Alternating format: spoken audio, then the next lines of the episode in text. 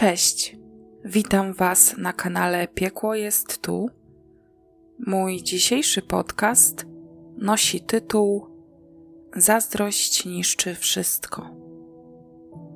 Dzisiaj opowiem historię młodej kobiety, która w ciągu swojego krótkiego życia doświadczyła wielu skrajnie różnych uczuć i emocji, przez trudną, ale też bezwarunkową miłość, po strach, osamotnienie i emocjonalne uzależnienie. Zdążyła natomiast pozostawić po sobie coś, co jej bliskim stale będzie o niej przypominać. Szkoda tylko, że sama długo się tym nie nacieszyła. W lutym 2011 roku media obiegła informacja o zaginięciu niespełna 20-letniej Emilii, mieszkanki województwa zachodniopomorskiego. W niewielkich Baszewicach młoda kobieta wychowywała ponadroczną córeczkę. Była też uwikłana w trudną relację ze starszym o 5 lat ojcem swojego dziecka. W dniu, kiedy zaginęła, miała stawić się na kilkudniowym szkoleniu oddalonych od Baszewic o mniej niż 10 km Gryficach, mieście powiatowym. Emilia niedawno podjęła pracę jako fryzjerka, a zawód ten wymagał nieustannych doszkoleń. Młoda matka była zadowolona z tej pracy, która zresztą była zgodna z jej wyuczonym zawodem, zwłaszcza że przez kilka lat borykała się z problemami finansowymi i bardzo cieszyła się, że w końcu będzie miała dodatkowe źródło dochodu. Dziewczyna nie miała życia usłanego różami. Urodziła się 26 kwietnia 1991 roku jako pierwsze i jedyne wspólne dziecko Jarosława i Beaty. Ale nie dane jej było wychowywać się w takim składzie, bowiem jej mama opuściła rodzinę, kiedy Emilka była jeszcze małą dziewczynką. Wyjechała za granicę, gdzie ułożyła sobie życie ponownie i nie utrzymywała kontaktu z córką. Dziewczynka została więc ojcem, który szybko znalazł nową kobietę, poślubił ją i miał z nią dwójkę kolejnych dzieci. Emilka wychowywała się więc z tatą, jego żoną Jowitą i przyrodnim rodzeństwem. Ale mieszkanie, które wszyscy razem dzielili, w końcu stało się na tyle ciasne, że dziewczyna w miarę upływających lat zaczęła czuć, że przeszkadza na tych kilkudziesięciu metrach kwadratowych. W okresie nastoletniego buntu podjęła więc decyzję o wyprowadzce do babci, która mieszkała dwa kilometry dalej. Decyzja ta była też argumentowana licznymi kłótniami w domu. Nastolatka była nimi zmęczona i aby oszczędzić wszystkim nieprzyjemnej atmosfery, rozpoczęła nowy rozdział w swoim życiu. Oczywiście kontakt z tatą i jego żoną oraz swoim rodzeństwem starała się regularnie utrzymywać, a zwłaszcza tuż po wyprowadzce, bo później bywało różnie. W tamtejszym czasie wybrała też swoją drogę zawodową i konsekwentnie uczyła się, aby w przyszłości móc pracować jako fryzjerka. Wiedziała, że w jej rodzinnej wsi nie ma perspektyw na życie, a więc snuła plany o tym, że kiedyś pozna miłość swojego życia i wraz z idealnym kandydatem na męża wyjedzie do wielkiego miasta, gdzie w końcu będzie mogła rozwinąć skrzydła. Była duszą towarzystwa, nieustannie więc pojawiała się w gronie swoich najbliższych koleżanek, a najczęściej spotykały się gdzieś w centrum wsi i tam spędzały razem czas, na przykład spacerując. Emilka była otwartą, odważną i lubiącą zwracać na siebie uwagę dziewczyną. Była sympatyczna i nie bała się wyrażać swojego zdania, co nieraz przysparzało jej problemów, zwłaszcza w relacjach z najbliższymi. W młodości podejmowała próby ucieczki, czuła się trochę nieszczęśliwa w miejscu, w którym się znajdowała. Z natury była więc buntowniczką, ale nie sprawiała takich wielkich problemów wychowawczych. to znaczy nigdy nie wdała się w jakieś nieciekawe towarzystwo czy konflikty z prawem, bo kłótnie z rodziną były na porządku dziennym. Była też marzycielką, zawsze chciała założyć swoją rodzinę i nie powielać schematów, w jakich się wychowywała. Posiadanie szczęśliwej rodziny było prostym, ale bardzo ważnym celem życiowym młodej kobiety. Nic więc dziwnego, że kiedy poznała starszego od siebie Karola, który od razu wydawał się być jej ideałem, od razu weszła z nim w związek i pokładała w tym związku swoje nadzieje na relacje jak z bajki czy filmów romantycznych, które uwielbiała oglądać. Chłopak był już dorosły, zdał maturę, a jego rodzina w okolicy była bardzo szanowana i lubiana. Był uznawany za spokojnego, kulturalnego, grzecznego chłopaka, choć w towarzystwie bywał skryty i sprawiał też wrażenie nieco wycofanego. Emilka zakochała się w nim niemal od razu. Opowiadała zarówno swoim koleżankom, jak i rodzinie o wybranku swojego serca, a wszyscy z jej otoczenia zaobserwowali, że para od razu stała się praktycznie nierozłączna. Była w stosunku do siebie bardzo wylewna, czuła i wydawało się, że jest między nimi naprawdę silne, prawdziwe, choć nastoletnie, a więc może nieco naiwne uczucie. Ich związek szybko stał się bardzo intensywny. Para robiła sobie mnóstwo zdjęć i cały pokój dziewczyny był nimi wyłożony. To, jak Emilia wypowiadała się o Karolu, budziło naprawdę wielką radość jej bliskich, którzy wierzyli, że dziewczyna swojego chłopaka nie idealizuje, a ich związek faktycznie jest pełen miłości i dobra. Choć tata Emilii z niewielkim dystansem podchodził do Karola, bo w jego zachowaniu, czy też nawet osobowości, coś mu nie pasowało. Ale mimo to nie próbował swojej córki do niego zniechęcać. Krótko po tym, jak Karol i Emilia weszli w związek, dziewczyna dowiedziała się o tym, że jest w ciąży.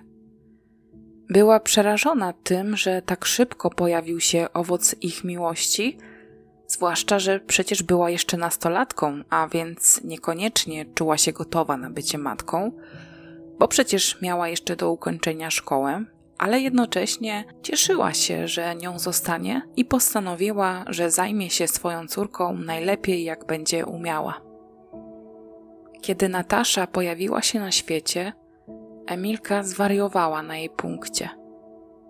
Poświęcała swojej córce mnóstwo czasu, okazywała jej czułość i pomimo wielu trudności była naprawdę dobrą i opiekuńczą matką.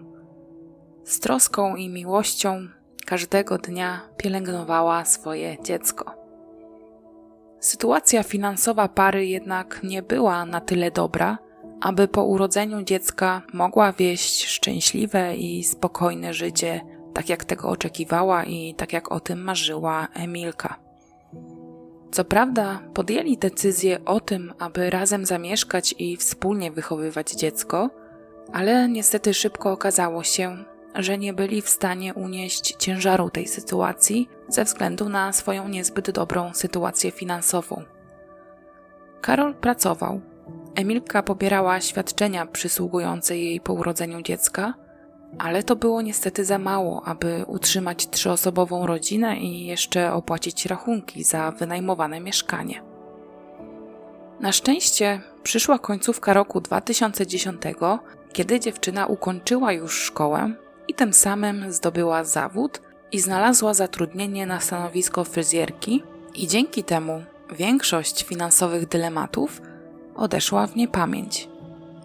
Wydawałoby się więc, że od tej pory życie tej rodziny będzie płynęło już tylko stabilnie i spokojnie. Ale kiedy para wspólnie mieszkała w Gryficach, doszło do pewnego przełomu w ich związku, który powoli i konsekwentnie pozbawiał złudzeń dziewczynę co do szczęśliwej relacji z Karolem. Okazało się, że posiada on dwie skrajne twarze. Ta, którą pokazał na początku, czyli ta łagodna, czuła, dobra, poszła w zapomnienie. Od czasu, kiedy para mieszkała razem, Karol stał się bardzo zazdrosny o swoją dziewczynę i doszło nawet do bardzo niezręcznej sytuacji, bowiem Karol zarzucił Emilii romans z właścicielem mieszkania, które wynajmowali. Owszem, Emilka kontaktowała się z mężczyzną, ale jedynie zwierzała mu się z problemów w związku i opowiadała o niepokojących zachowaniach swojego chłopaka. Między innymi wyznała właścicielowi mieszkania, że Karol dusił ją takim sznurkiem, który znajduje się przy kapturze bluzy. Opowiadała też o licznych kłótniach i wyzwiskach, jakie w jej stronę chłopak kierował. Dlaczego zwierzała się akurat temu mężczyźnie? Nie wiem, może miała z nim przyjacielskie relacje, a może liczyła na to, że mężczyzna jakoś zapobiegnie tej sytuacji. Nie będę teraz snuć teorii, jako że w źródłach nie zostało to jasno sprecyzowane. Oprócz zazdrości, Karola cechowała też wybuchowość i potwierdza to sytuacja, którą przytoczyłam przed chwilą. Często między młodymi rodzicami dochodziło do kłótni, podczas których chłopak nie oszczędzał matce swojego dziecka przykrości. Używał wobec niej przeróżnych określeń, zarzucając jej liczne zdrady i kłamstwa. Z czasem również zaczął dopuszczać się wobec niej przemocy fizycznej. Oprócz tego, że ją dusił, to także ją krępował i zamykał w szafie. Niejednokrotnie znajomi i rodzina Emilki zauważali na jej twarzy ślady pobicia, choć początkowo dziewczyna nie przyznawała się do tego, co dzieje się w czterech ścianach mieszkania, które zajmowała z Karolem i córką. Liczyła na to, że jej dramatyczna sytuacja jeszcze się uspokoi.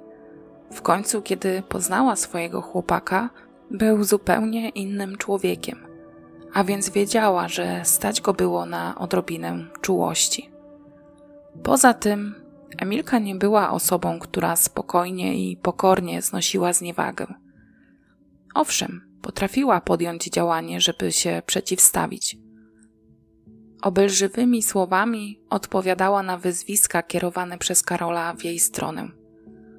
Był to rodzaj jej obrony przed atakiem chłopaka. W końcu młoda kobieta była już zmęczona sytuacją pomiędzy nią a jej chłopakiem i przestała ukrywać przemoc, która niestety na stale zagościła w tej relacji. Błysk w oku, jaki miała jeszcze kilka miesięcy wcześniej, zastąpiły łzy i nieustanne zmęczenie. Przyznała więc swojej rodzinie, że Karol nie jest dla niej dobry. Nie chciała jednak od niego odejść. Ciągle miała nadzieję, że partner się opamięta i zmieni swoje zachowanie. Twierdziła też, że pomimo wszelkich nieprzyjemności, z jakimi mierzy się każdego dnia, to nadal żywi do niego silne uczucie i również ze względu na to, że mieli razem córkę, nie potrafiła opuścić Karola. Obawiała się samotnego macierzyństwa nie tylko ze względów finansowych. Chciała, aby jej dziecko miało wszystko to, czego nie miała ona – a więc pełną rodzinę i nieustanną opiekę. To, przez co przechodziła niemal każdego dnia, opowiadała innymi Jowicie, żonie swojego ojca. Między innymi Karol, który w miejscu pracy miał bardzo dobrą opinię, zarówno solidnego człowieka, jak i człowieka o łagodnym usposobieniu, po powrocie do domu wpadał w furię. Bił dziewczynę, wiązał tak, aby nie mogła się swobodnie poruszać, i dopóki jego nieuzasadniona zresztą złość nie mijała, Emilia była skrępowana. Kiedy zamykał ją w takim właśnie układzie w szafie, często spędzała tam resztę dnia. Karol zaczął też popijać, przez co jego agresja gwałtownie wzrastała. Na szczęście do rozstania pary w końcu musiało dojść, choć Emilia tak do końca się od niego nie odcięła, nadal się z nim widywała. Zabrała jednak córkę i ponownie zamieszkała ze swoją babcią. Opiekę nad dzieckiem dzielili między sobą. Raz Natasza była u babci Emilki, a raz w domu rodzinnym Karola, gdzie opiekowała się nią jego matka. W 2011 roku chłopak zaczął podejrzewać, że jego dziewczyna z kimś się spotyka. Zdawało mu się, że się od niego odsuwa, że ją traci i że stała się bardziej tajemnicza. Kiedy tylko była taka możliwość, kontrolował wiadomości, które do niej przychodziły i próbował dociec, z kim tak intensywne rozmowy prowadziła. 12 lutego 2011 roku Emilia wróciła z pracy przed godziną 19. Tego dnia miała jeszcze zamiar wrócić do Gryfic, gdzie znajdował się zakład fryzjerski, w którym była zatrudniona, bo miała odbyć szkolenie, o czym już na wstępie informowałam. Opiekę nad dzieckiem sprawował wówczas Karol i zaledwie półtora roczna dziewczynka znajdowała się w jego domu rodzinnym. Ku zaskoczeniu Emilii, kiedy wróciła do domu babci, zastała tam właśnie Karola i Nataszę. Chłopak, pomimo wcześniejszych ustaleń, postanowił oddać Nataszę pod opiekę jej babci, a między młodymi wywiązała się kłótnia. Mimo dość burzliwej wymiany zdań, z domu wyszli razem, a Karol miał zamiar odprowadzić Emilkę na przystanek autobusowy, skąd dziewczyna miała wyjechać do Gryfic. Do Gryfic jednak nie dotarła, co wyszło na jaw następnego dnia, kiedy nie udało się z dziewczyną skontaktować. Ostatnią osobą, która ją widziała i z którą Emilka miała kontakt, był właśnie Karol. Ale chłopak nie potrafił powiedzieć, co mogło się stać, że Emilka nie stawiła się na szkoleniu. Utrzymywał, że rozstali się 12 lutego wieczorem tuż obok jego domu. On miał do niego wejść, a ona poszła dalej sama na przystanek autobusowy. Od początku zarówno policjanci zajmujący się sprawą zaginięcia Emilki, jak i najbliżsi dziewczyny swoje podejrzenia kierowali w stronę jej chłopaka. Wiadomo było, że stosował wobec niej przemoc, a w przypływie agresji mógł nawet nieumyślnie pozbawić ją życia, a później ukryć ciało tak, aby jego czyn nie wyszedł nigdy na jaw. Ciała młodej kobiety jednak nie udało się znaleźć przez kolejne miesiące, pomimo zarówno wszelkich starań funkcjonariuszy policji, jak i rodziny i znajomych zaginionej, którzy przeszukiwali okolice kawałek po kawałku i rozwieszali plakaty informujące o zaginięciu, na którym było zdjęcie Emilki oraz jak najdokładniejszy opis ubrań, które miała tego dnia na sobie. Nataszą podczas poszukiwań jej mamy zajmowała się rodzina Karola. Chłopak po tym, jak dowiedział się, że jego dziewczyna zniknęła bez śladu, po prostu pojawił się w domu jej babci, spakował większość rzeczy córki i wyszedł. Nie uczestniczył później w poszukiwaniach Emilki, nie wykazywał też oznak troski o nią czy choćby niepokoju, a w swoim rodzinnym domu oświadczył, że jego dziewczyna postanowiła wyjechać do swojej matki do Niemiec. Wkrótce, kiedy żadne czynności poszukiwawcze nie przynosiły spodziewanych rezultatów, rzeczywiście w głowach najbliższych dziewczyny pojawiły się myśli czy też podejrzenia, związane z tym, że zmęczona i rozczarowana życiem rodzinnym młoda kobieta mogła podjąć decyzję o ucieczce z dotychczasowego miejsca zamieszkania. Zawsze pragnęła wyrwać się z małej miejscowości, a więc bardzo prawdopodobna wydawała się wersja o jej ucieczce. Zwłaszcza, że długo nie można było znaleźć żadnych śladów, które mogłyby chociaż nakierować na to, co tego wieczoru mogło spotkać Emilkę. Karol, przesłuchiwany przez policjantów, twierdził, że rozstał się ze swoją dziewczyną tuż pod jego domem rodzinnym, a dalej Emilka miała pójść już sama. Pojawili się też świadkowie, którzy kilka dni po jej zaginięciu mieli ją widzieć przechadzającą się ulicami Gryfic w okolicach miejsc pracy tych świadków. Zdawało się, że jest cała i zdrowa i nikt jej siłą nie przetrzymuje.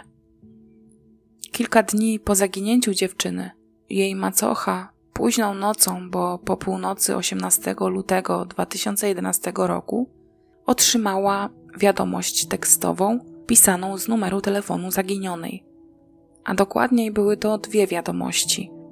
Jedna z nich brzmiała Hej mamuś albo Hej mamuś, co słychać? A druga była już nieco konkretniejsza.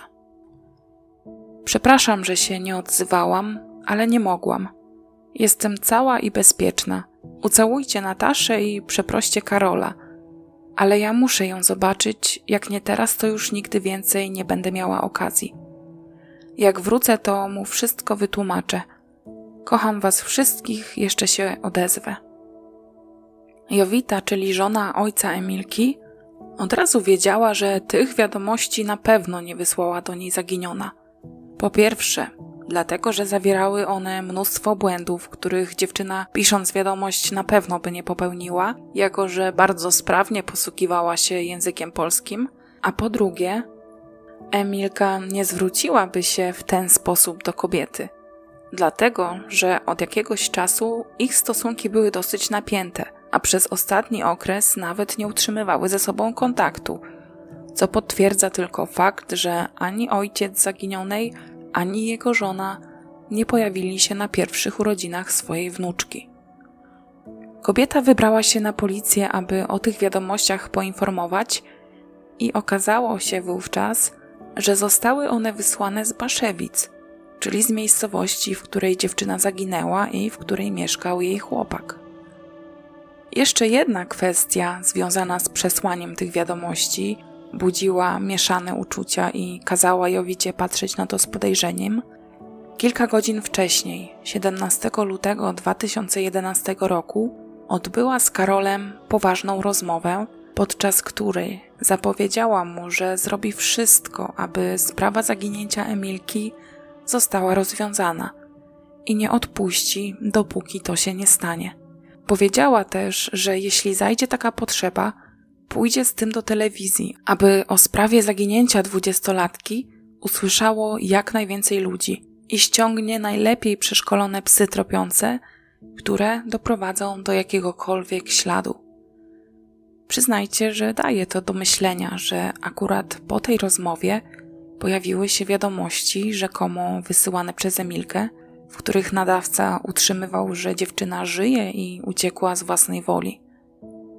Bilingi, które udało się śledczym pozyskać z telefonu zaginionej, jednoznacznie pokazały, że dziewczyna ostatni raz podejmowała próbę kontaktu z mężczyzną o nieznanym imieniu, ale nazwijmy go Piotr, w dniu 12 lutego 2011 roku, 9 minut po godzinie 20. Było to połączenie telefoniczne trwające dwie sekundy, a więc dziewczyna tylko wysłała do niego krótki sygnał.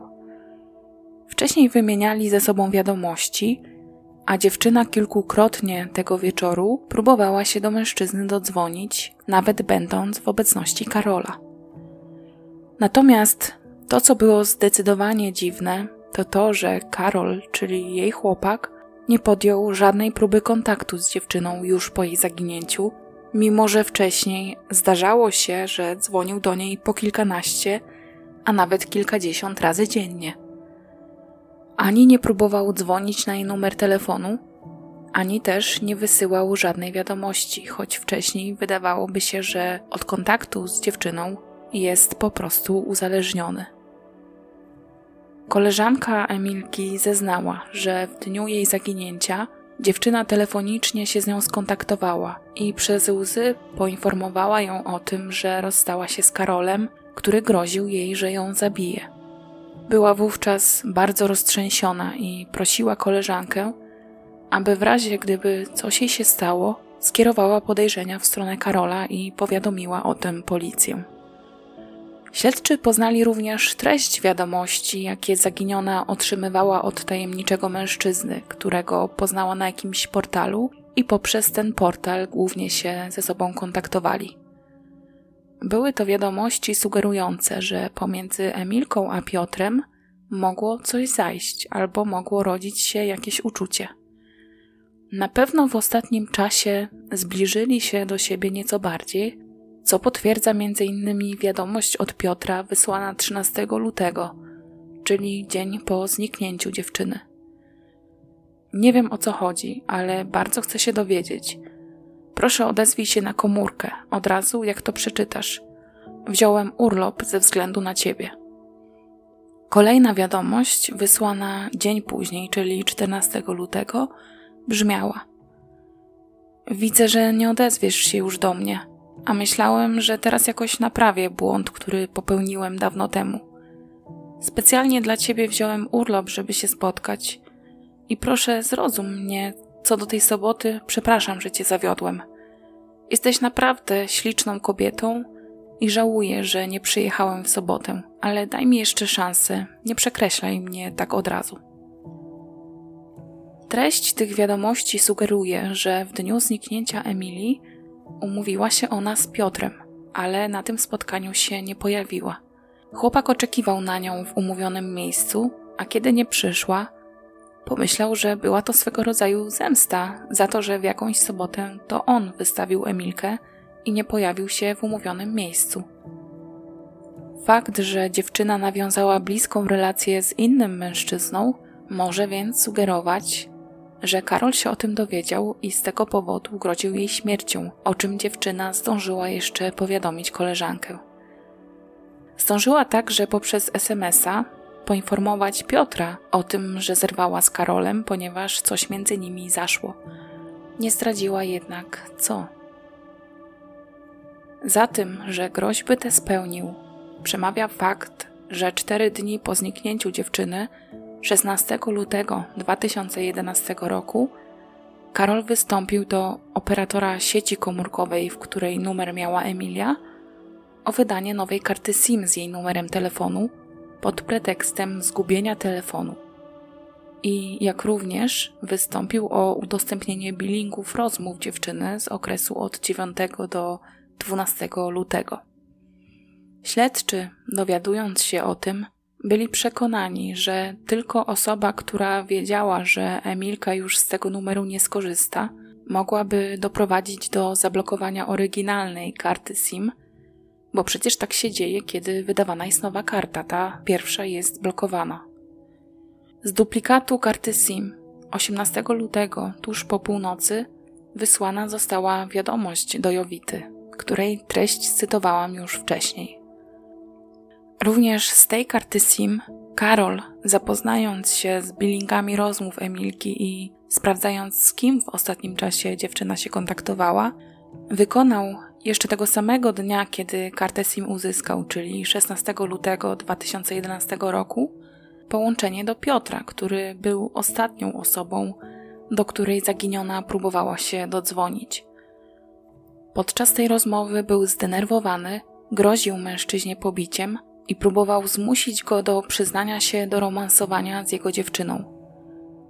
Również podjął połączenie z koleżanką Emilii, z tą, której dziewczyna w dniu swojego zaginięcia powiedziała o kłótni z chłopakiem i o groźbach, które z jego ust słyszała. Nie wiadomo jednak o czym konkretnie rozmawiali. Prawdopodobnie Karol po prostu chciał sprawdzić, do kogo ten numer należał.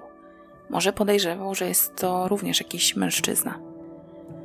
22 lutego 2011 roku z konta Emilki zostały pobrane pieniądze, które otrzymywała z Ośrodka Pomocy Społecznej w kwocie 60 zł. Okazało się, że wypłacił je Karol z bankomatu w Gryficach po godzinie 15. Zatem, żeby to zrobić, musiał on być w posiadaniu karty debetowej, której właścicielką była Emilia. Tutaj zagwozdką było pytanie, czy tę kartę dziewczyna dała mu dobrowolnie, czy uzyskał ją już po jej zniknięciu.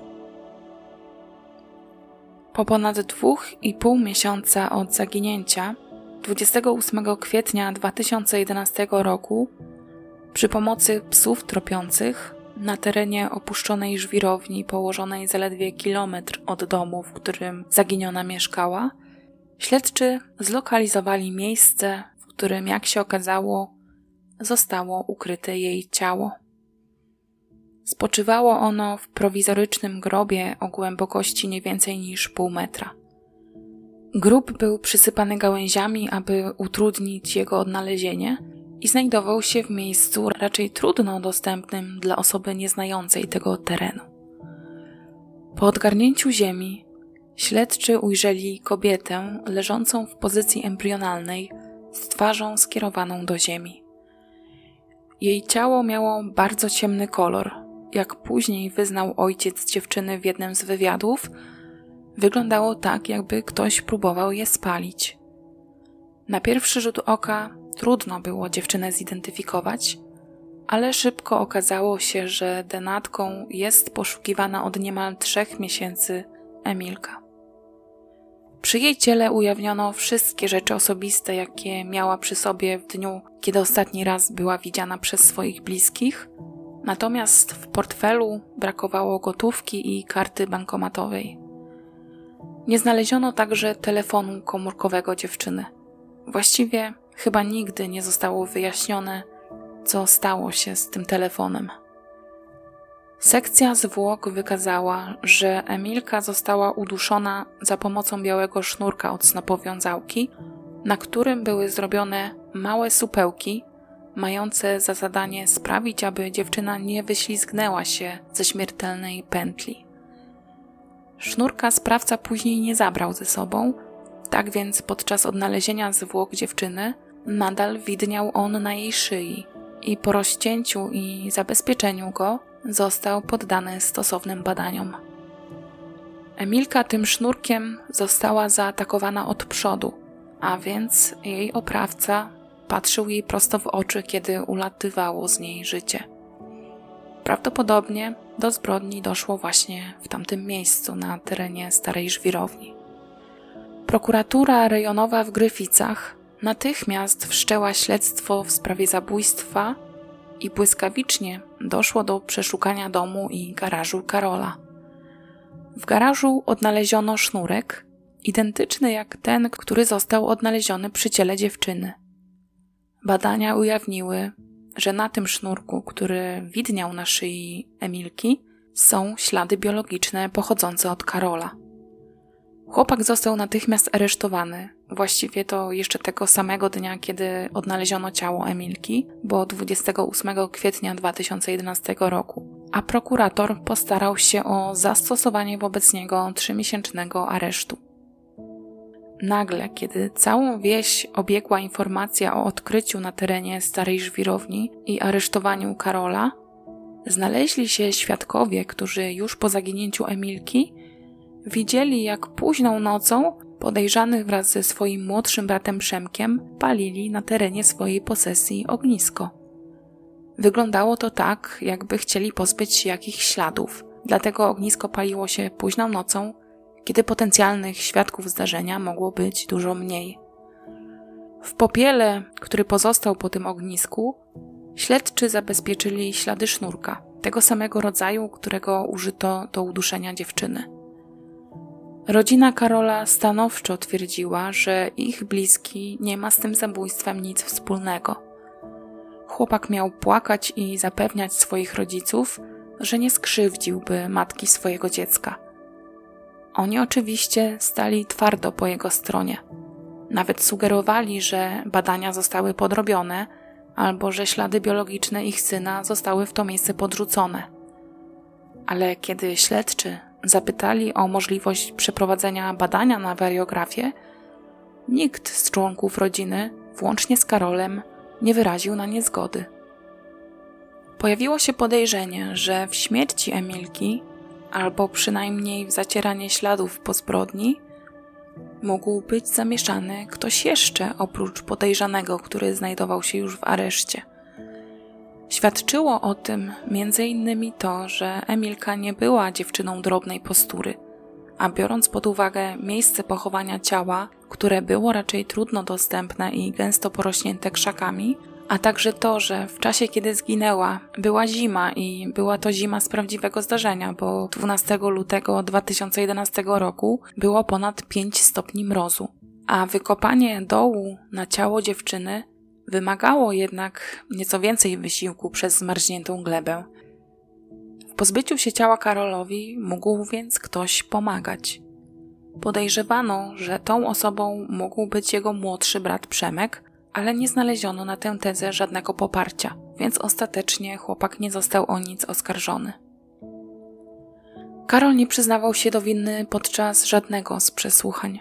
Na każde pytanie śledczych miał przygotowaną odpowiedź. Utrzymywał, że 12 lutego 2011 roku wrócił do domu o godzinie 20, a skoro Emilka po 20 wykonała jeszcze połączenie telefoniczne, to kiedy on znajdował się w domu, ona jeszcze żyła. Karol został oskarżony nie tylko o zabójstwo, ale także o znęcanie się nad Emilką. Przed sądem także utrzymywał swoją niewinność. Zeznawał, że po tym jak wrócił do domu około godziny 20, spędzał czas ze swoimi braćmi. Wspólnie, samochodem jednego z nich, wybrali się do sklepu do Gryfic, by zakupić alkohol. Miało się to odbyć tuż po godzinie 20, czyli zaraz po tym, jak oskarżony wrócił do domu. Dowodem na to był paragon, na którym widniała godzina zakupu. Świadkiem przed sądem w sprawie tej wizyty w sklepie była sprzedawczyni, która podała, że godzina na paragonie różni się od właściwej o 40 minut. Na paragonie widniała godzina 21.49, a więc biorąc pod uwagę zeznania świadka, Karol mógł pojawić się w sklepie około godziny 21, a więc godzinę po tym, jak telefon Emilki przestał odpowiadać i prawdopodobnie po tym, jak straciła życie. Sąd uznał więc, że Karol w ciągu godziny spokojnie mógł dokonać czynu, a potem, żeby zapewnić sobie jakieś alibi, wrócić do domu i spędzać czas ze swoimi braćmi.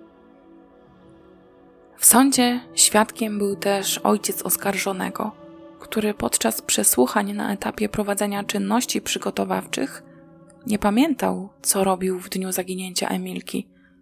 Natomiast 12 października 2012 roku, czyli półtora roku od złożenia pierwszych zeznań i ponad półtora roku po zbrodni, bez cienia zawahania powiedział przed sądem, że kiedy 12 lutego 2011 roku około godziny 21 wrócił do domu z pracy, wszyscy jego synowie znajdowali się w swoich pokojach. Podobnie zeznała matka Karola, a sąd uznał, że zeznania rodziców są podejrzane, za bardzo ze sobą zgodne i nad wyraz dokładne, biorąc pod uwagę ich wcześniejsze zeznania, w których niewiele z tego wieczoru pamiętali. Obrońca Karola próbował skierować podejrzenia popełnienia zabójstwa w stronę mężczyzny, z którym dziewczyna nawiązała w ostatnim czasie kontakt. Jednak śledczy sprawdzili taką możliwość jeszcze na etapie śledztwa i nie znaleźli żadnych tropów świadczących o tym, że to właśnie Piotr miał coś wspólnego ze śmiercią Emilki. Wszystkie dowody, jakie udało się zgromadzić, świadczyły przeciwko Karolowi. To on był w posiadaniu numeru telefonu swojej dziewczyny już po jej zaginięciu, bo wystąpił o duplikat karty SIM. Tłumaczył ten fakt tym, że nie chciał, aby numer został wyłączony. Trzeba było z niego korzystać i go opłacać. Sąd stwierdził, że skoro oskarżony wiedział, że Emilka nie będzie w stanie regularnie doładowywać sobie konta, to wiedział też, co się z nią stało, między innymi też to, że dziewczyna nie żyje. Również on korzystał z jej numeru telefonu, aby wysyłać w jej imieniu wiadomości do rodziny. Jego celem było opóźnienie poszukiwań, bowiem kilka godzin przed tym, jak wystosował wiadomość SMS-ową do Jowity, którą rzekomo miała pisać Emilka, miała miejsce między nimi ostra wymiana zdań, której kobieta poinformowała chłopaka, że zamierza podjąć poważniejsze kroki i nagłośnić sprawę zaginięcia swojej pasierbicy. Prawdopodobnie Karol przestraszył się, że prawda szybko może ujrzeć światło dzienne i chciał uśpić czujność najbliższych dziewczyny, którą pozbawił życia. Karol został poddany obserwacji psychologiczno-psychiatrycznej, z której wyniknęło, że młody mężczyzna jest egocentrykiem, skłonnym do popadania w agresję i bezkrytycznym wobec siebie samego. Ma tendencję do wpadania w złość i nieuzasadnioną frustrację, oraz popadania w konflikty z otoczeniem poprzez swoje zaczepne zachowanie. Cechuje go również chłód uczuciowy, przez co trudno mu jest w pełni zaangażować się w relacje. Sąd ogłosił wyrok skazujący Karola na karę łączną pozbawienia wolności za zarzucane mu czyny, w wysokości 25 lat pozbawienia wolności. Jako motyw jego działania sąd przyjął zazdrość chłopaka o Emilkę. Nie chciał, aby dziewczyna go zostawiła, a jeśli by do tego doszło, to nie chciałby związała się z kimkolwiek innym. Ten motyw potwierdziło zresztą jego zachowanie po zniknięciu młodej kobiety. Przede wszystkim to, że zdobył bilingi rozmów dziewczyny i zadzwonił do Piotra, aby dowiedzieć się, czy to on jest tym mężczyzną, z którym jego dziewczyna nawiązała relację. Oraz to, że dziewczyna chwilę przed swoją śmiercią poinformowała koleżankę o rozstaniu z ojcem swojego dziecka oraz o groźbach, jakie w jej stronę kierował. Być może Karol dowiedział się albo podejrzewał, że w Gryficach, do których Emilka zmierzała, była umówiona właśnie z Piotrem, co mogą potwierdzać późniejsze wiadomości, które Piotr do niej wysyłał. Karol, słysząc wyrok, nie krył negatywnych emocji. Zacytuję zdanie, które wypowiedział na sali sądowej w dniu uzasadnienia wyroku 9 lipca 2015 roku. Kurwa, bzdura! Ile razy można tego słuchać? Drugi raz tego słucham.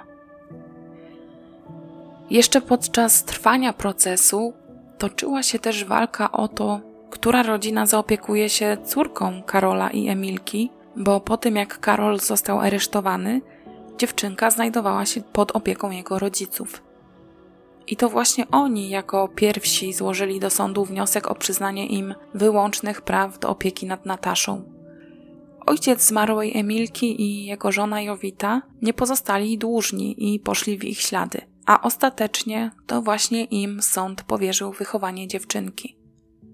Uzasadnił swoją decyzję w skrócie tym, że w domu dziadków od strony ojca zbyt często dziecko będzie musiało mierzyć się z konsekwencjami czynu Karola, między innymi z przesłuchaniami w sprawie, wizytami prokuratora i tym podobnymi działaniami.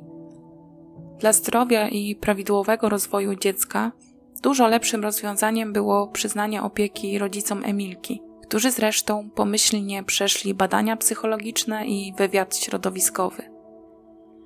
Była to jednak wiadomość, której rodzice Karola nie potrafili spokojnie przyjąć do wiadomości, choć przecież sąd ustalił widzenia, podczas których mogli zabierać do siebie dziewczynkę czy też ją odwiedzać. Również Karolowi nie spodobała się wieść o tym, że to jego niedoszli teściowie zostali rodziną zastępczą dla jego córki. Szybko po tym, jak dotarła do niego ta informacja, wystosował pismo do sądu przytoczę Wam jego treść. Na osoby odpowiedzialne za przywiezienie małoletniej Nataszy do tutejszego aresztu wyznaczam jej opiekunów. To oni poniosą wszelkie koszty. Widzenie ma mieć miejsce raz w miesiącu i najpóźniej w trzecią sobotę każdego miesiąca. Córka ma być doprowadzana przez opiekuna do sali z kantyną. Stamtąd ma być przyprowadzana przez strażnika służby więziennictwa do sali widzeń. Ja tam będę czekał na córkę. Opiekun ma czekać w drugiej sali i ma ze mną nie mieć żadnego kontaktu wzrokowego ani słownego. W taki sam sposób córka będzie odprowadzana do opiekuna. Jak to brzmi, sami możecie ocenić. Do tej prośby, w dużym cudzysłowie, sąd w ogóle się nie odniósł. Oczywiście obrońca Karola odwołał się od wyroku Sądu Okręgowego w Szczecinie, który zapadł 9 lipca 2015 roku. I tutaj swoją drogą ciekawi mnie, dlaczego proces trwał tak długo, bo wychodzi na to, że około 3 albo 4 lata. Do końca nie wiem, bo jedne źródła podają, że rozpoczął się latem 2011 roku, a inne wspominają, że w 2012 roku. Sąd apelacyjny 3 marca 2016 roku utrzymał wyrok w mocy. Tak więc Karol został skazany na 25 lat pozbawienia wolności prawomocnym wyrokiem. W tym momencie powinnam powiedzieć, że to już jest wszystko, co w tej sprawie udało mi się ustalić, ale tak do końca nie jest. Znalazłam pewne źródła, w których jest poruszany jeszcze jeden wątek związany z tą sprawą, a ściślej mówiąc z córeczką Emilki i Karola. Nie chciałabym jednak aż za bardzo rozwijać tutaj tego tematu, bo do końca nie jestem przekonana, czy pewnego rodzaju oskarżenia nie są po prostu związane z jakąś grą, przepychanką, a może nawet desperacką walką. Powiem więc w skrócie, że temat jest bardzo delikatny i dotyczy krzywdy dziecka, a mianowicie Jowita, czyli żona ojca Emilki i prawny opiekun Nataszy, oskarżyła młodszego brata Karola, czyli Przemka, o to, że podczas odwiedzin Nataszy u dziadków ze strony taty on dopuszczał się wobec niej molestowania seksualnego. Toczyła się w tym temacie sprawa w sądzie i ostatecznie sąd nie znalazł na to dowodów i sprawę umorzył. Sam Przemek bronił się przed takimi zarzutami i nawet dobrowolnie chciał poddać się badaniu na wykrywaczu kłamstw, ale sąd nie widział takiej potrzeby. Nie wiem, co o tym myśleć. Jeśli Przemek jest niewinny, a tak zadecydował sąd, to nie chciałabym, żeby skrzywdzono go nieprzyjemnymi oskarżeniami czy komentarzami. Tej walki pomiędzy rodzinami, jak o niej trochę poczytałam, to do końca nie rozumiem. Głównie udział w tym biorą macocha Emilki i matka Karola i wzajemnie obrzucają się jakimiś oskarżeniami. Zachęcam Was do zajrzenia do źródeł, jeśli chcecie bliżej zapoznać się z tym wątkiem w sprawie, albo na przykład też zobaczyć zdjęcia, bo w źródłach, w oparciu o których ja tworzę historię, te zdjęcia zazwyczaj się pojawiają. Jest jeszcze jeden wątek, o którym myślę, że warto tutaj wspomnieć, a mianowicie młodszy brat Emilki amatorsko tworzy piosenki. Między innymi właśnie wiele jego utworów jest poświęconych historii i pamięci jego zmarłej siostry. Również niektóre teksty były cytowane przez źródła, z których korzystałam, także tam je znajdziecie, jeśli chcecie. Tych źródeł nie ma wiele tym razem, ale przynajmniej są treściwe. Chciałabym też zauważyć, że niedawno, bo ledwie tydzień temu, minęła jedenasta już rocznica śmierci Emilki. Dajcie znać w komentarzu, co wy myślicie o tej historii. Tymczasem ja już się z wami żegnam. Przytulam każdego, kto dzisiaj tego potrzebuje i mam nadzieję, że słyszymy się niebawem.